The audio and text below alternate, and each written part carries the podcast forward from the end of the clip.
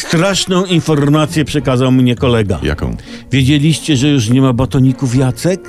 Ja sprawdzałem, sprawdziłem zaraz w internetach, na kilku stronach owszem, zdjęcie jest, na jednym nawet czarno-białe, ale podpis, produkt niedostępny, produktu nie ma w ofercie, brak w magazynie, to cytaty. Ej, Jacek był fajny, ja go bardzo lubiłem. Pamiętam taką informację za czasów istnienia Jacka, że policjanci zatrzymali kierowcę i on dmuchnął 0,65 promila. Kierowca był zszokowany, gdyż był abstynentem i twierdził, że nie brał nic do ust poza batonem Jacek który jak się okazuje rzeczywiście zawierał tam pewną ilość alkoholu. Policjanci nie uwierzyli, nie? E, po 15 minutach wyszło zero. Oni sobie myśleli, tak, konsumował Jacka, ale soplice. No ale kolejne badanie tam wykazało, jak mówię, zero. Tym niemniej sprawa trafiła do prokuratora, który ją przytomnie umorzył, więc happy end, no.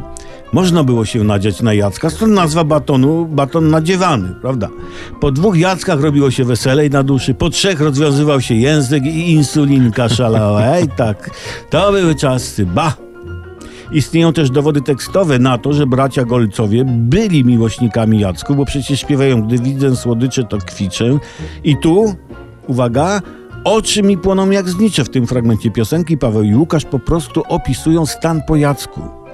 Tak, mają Amerykanie Jacka Danielsa, a my mieliśmy naszego Jacka Danielaka. I komu to przeszkadzało? Cóż, kochani, no, czas pędzi, niestety już nie Jacka i czasy się zmieniają. Coś umiera, coś pęka, coś się rozpuszcza. Odchodzą idole naszej młodości. Najpierw Michael Jackson, teraz Jacek Baton. Ale od paprykarzu szczecińskiego wara. Albo dwie wary.